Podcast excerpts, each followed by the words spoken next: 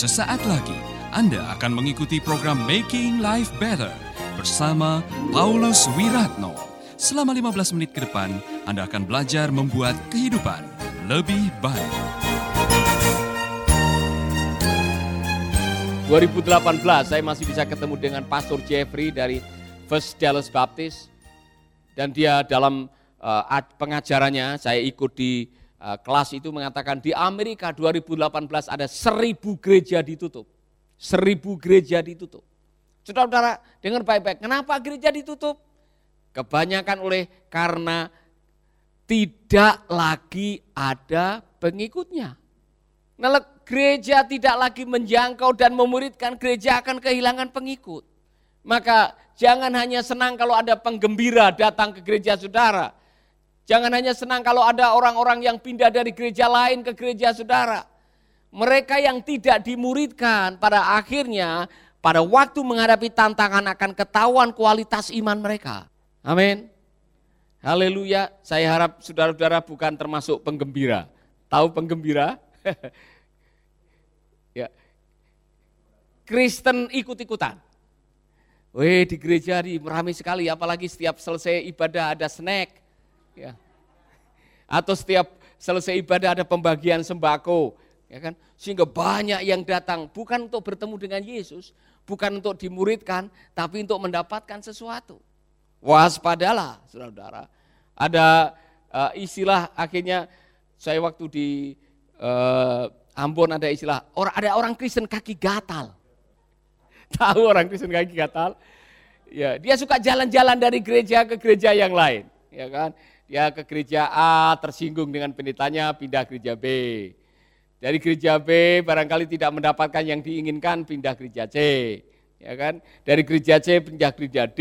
Nah, saudara-saudara yang saya agak sedikit marah dan saya merasa seperti kalau ini terjadi terus, gereja Tuhan tidak akan berkembang. Saya pergi ke Piru.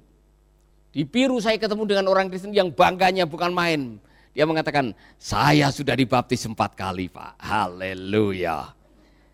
Ya kan? Di gereja A baptis, pindah gereja B baptis, pindah gereja C baptis.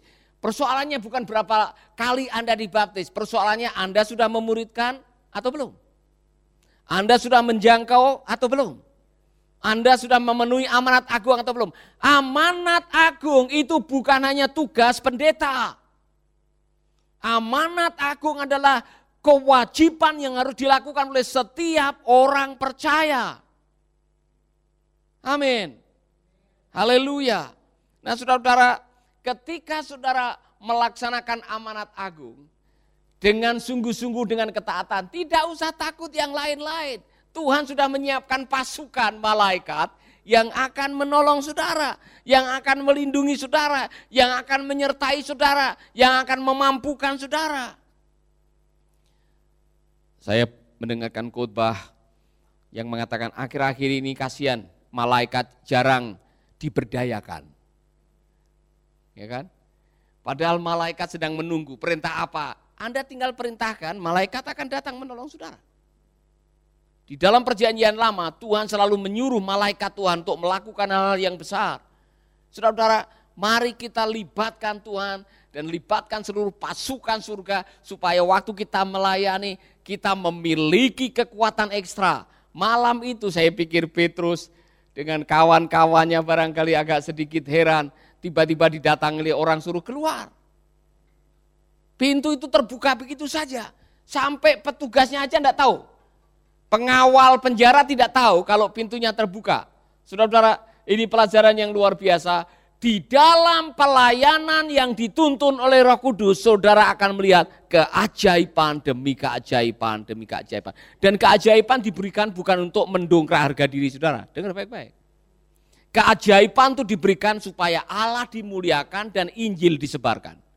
Jadi kalau Anda dalam pelayanan kok dipakai Tuhan, Orang lumpuh bisa melihat, orang buta bisa berjalan. Benar ya? Orang lumpuh bisa melihat kan? Orang buta? Oh, orang lumpuh bisa melihat, orang buta bisa berjalan.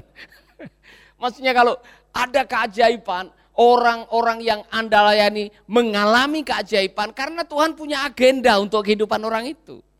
Maka jangan mencuri kemuliaan dari pelayanan saudara. Woi, baru dipakai Tuhan dua kali menyembuhkan orang, langsung saudara bikin brosur, penyembuh ajaib. Ya kan? Kemudian saudara sebutkan nama sebar di pasar, di bawahnya ada nomor rekening.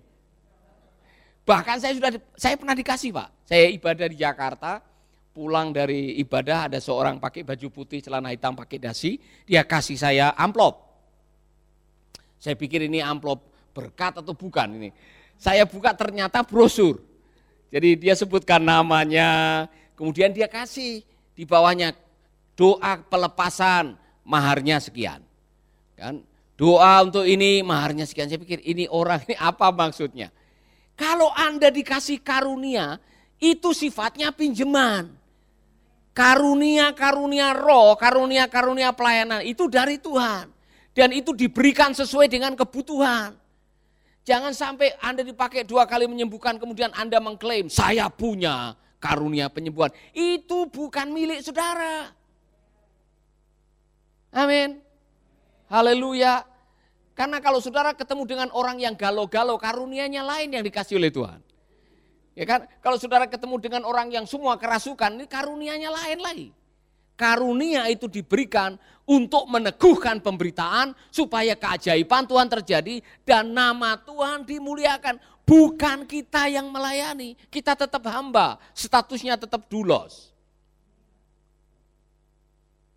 Amin. Jangan sampai fotomu terpampang lebih besar dari fotonya Tuhan Yesus pada waktu KKR. Sehingga saya mau belajar dari Yohanes Pembaptis, biarlah dia yang makin bertambah-tambah, kita yang makin berkurang-kurang. Awasilah hatimu, hatimu itu licik, lebih licik daripada yang lain, saking liciknya kita semua kadang-kadang ketipu. Baru dipakai Tuhan sedikit, wow. Ya, kita merasa kemudian jalannya seperti sudah tidak lagi menyentuh tanah. Padahal baru dipakai oleh Tuhan. Dengar baik-baik saudara, kita adalah hamba. Jadilah hamba. Kapan pun juga kita dipakai oleh Tuhan, kita tetap hamba. Jangan lupa diri. Karena dipakai oleh Tuhan. Amin. Anda masih bersama Paulus Wiratno di Making Life Better.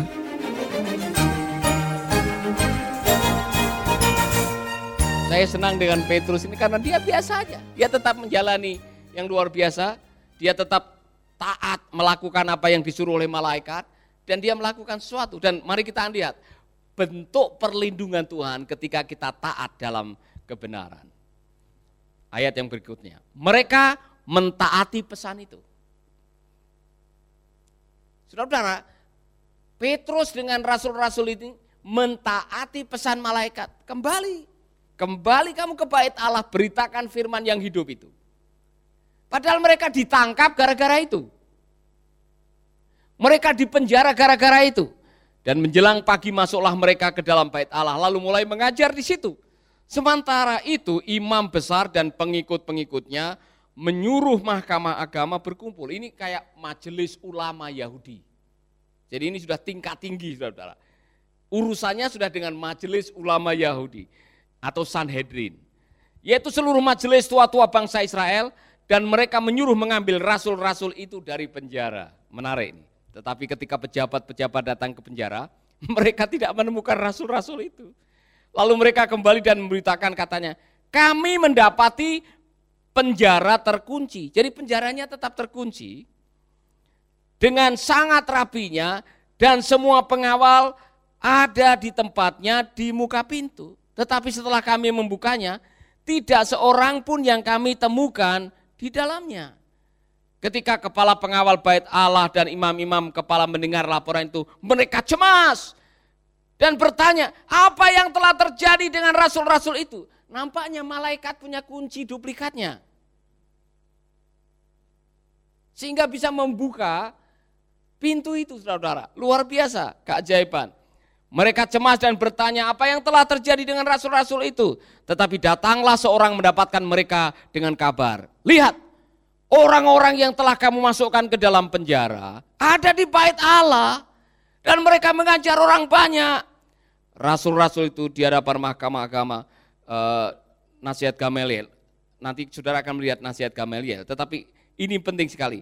Maka pergilah kepala pengawal serta orang-orangnya ke bait Allah, lalu mengambil kedua rasul itu, tetapi tidak dengan kekerasan. Karena mereka takut kalau kalau orang banyak melempari mereka. Mereka membawa keduanya dan menghadapkan mereka kepada mahkamah agama. Imam besar mulai bertanya atau menanyai mereka katanya, dengan keras kami melarang kamu mengajar dalam nama itu. Namun ternyata kamu telah memenuhi Yerusalem dengan ajaranmu. Dan kamu hendak menanggungkan darah orang itu kepada kami. Dengar jawaban Petrus? Orang yang pernah takut ditanya oleh wanita dan dia menyangkal tiga kali. Setelah dipenuhi urapan roh kudus dia menjawab apa? Tetapi Petrus dan rasul-rasul itu menjawab katanya, kita harus lebih taat kepada Allah daripada kepada manusia. Tahu resikonya menjawab seperti itu? Penjara, mati, aniaya. Tetapi orang yang dipenuhi roh, dia punya kekuatan khusus, saudara-saudara. Kekuatan dari dalam yang membuat dia tegar. Amin. Saya ingat ilustrasi mengenai botol. Saya pinjam dari istri saya nih. Kalau botol penuh isinya, mau diapa-apain, kuat. Ya kan? Karena penuh dengan isi. Tapi kalau kosong, Saudara tahu kalau botol kosong tidak ada isinya, tidak ada yang kosong ya. Saya kosongin dulu ya gitu.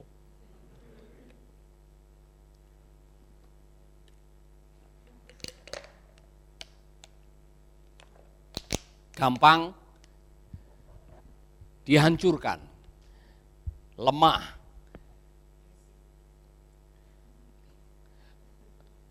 Mungkin urapan uh, gambaran yang lain ketika Anda dipenuhi dengan roh, di dalam dirimu ada kekuatan ekstra yang membuat engkau bertahan menghadapi segala bahaya. Dan kekuatan itu datang karena roh menuntun Anda kepada kebenaran. Orang yang hidup dalam kebenaran dia tidak takut apa-apa. Itulah sebabnya saudara-saudara, saya mau mengatakan kepada Anda semuanya, ketika gereja sudah kehilangan misi memberitakan Injil dan memuridkan, saya ada tanda tanya besar. Ada yang salah dengan gereja itu. Saya mau mengingatkan gereja Tuhan, misi utama kita, amanat agung belum dibatalkan. Oh Pak, tapi situasi tidak memungkinkan. Di kampung kami kondisi dan situasi tidak memungkinkan. Dengar baik-baik, sebelum Anda dapat surat dari Allah Bapa dan mengatakan karena situasi dan kondisi COVID-19, maka Injil untuk diberitakan untuk sementara ditunda atau dibatalkan. Sebelum Anda punya uh, surat langsung dari Tuhan, Anda masih punya amanat agung yang harus dijalankan. Amin. Maka di tengah kesulitan apa pun juga kita harus menjalankan amanat ini, saudara-saudara. Haleluya. Saya mengajak Anda, Anda semuanya yang mendengarkan firman Tuhan ini, kita punya tugas yang sama. Bukan hanya tugasnya pendeta, penginjil, vikaris, atau gembala. Tugas kita adalah memberitakan kabar baik, memuridkan mereka. Apa itu pemuritan Pak? Gampang. Pemuritan adalah life transfer through relationship. Pemuritan adalah transfer kebenaran transfer kehidupan lewat hubungan. Kenapa harus ditransferkan kebenaran? Supaya yang salah-salah dilepaskan. Karena pertobatan adalah melepas yang salah dan memakai yang benar. Tanggalkanlah kedagingan dan ganti hidup di dalam kebenaran. Haleluya. Amin.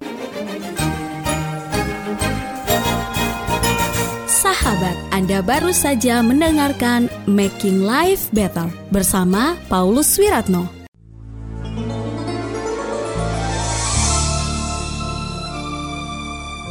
Keluarga Gracia, biarlah firman Tuhan selalu menjadi pelita dalam hidup kita sepanjang tahun ini. Dengarkan selalu radio Suara Gracia di 95,9 FM, streaming di suaragratiafm.com/streaming atau dengan aplikasi Android Radio Suara Gratia yang tersedia di Play Store.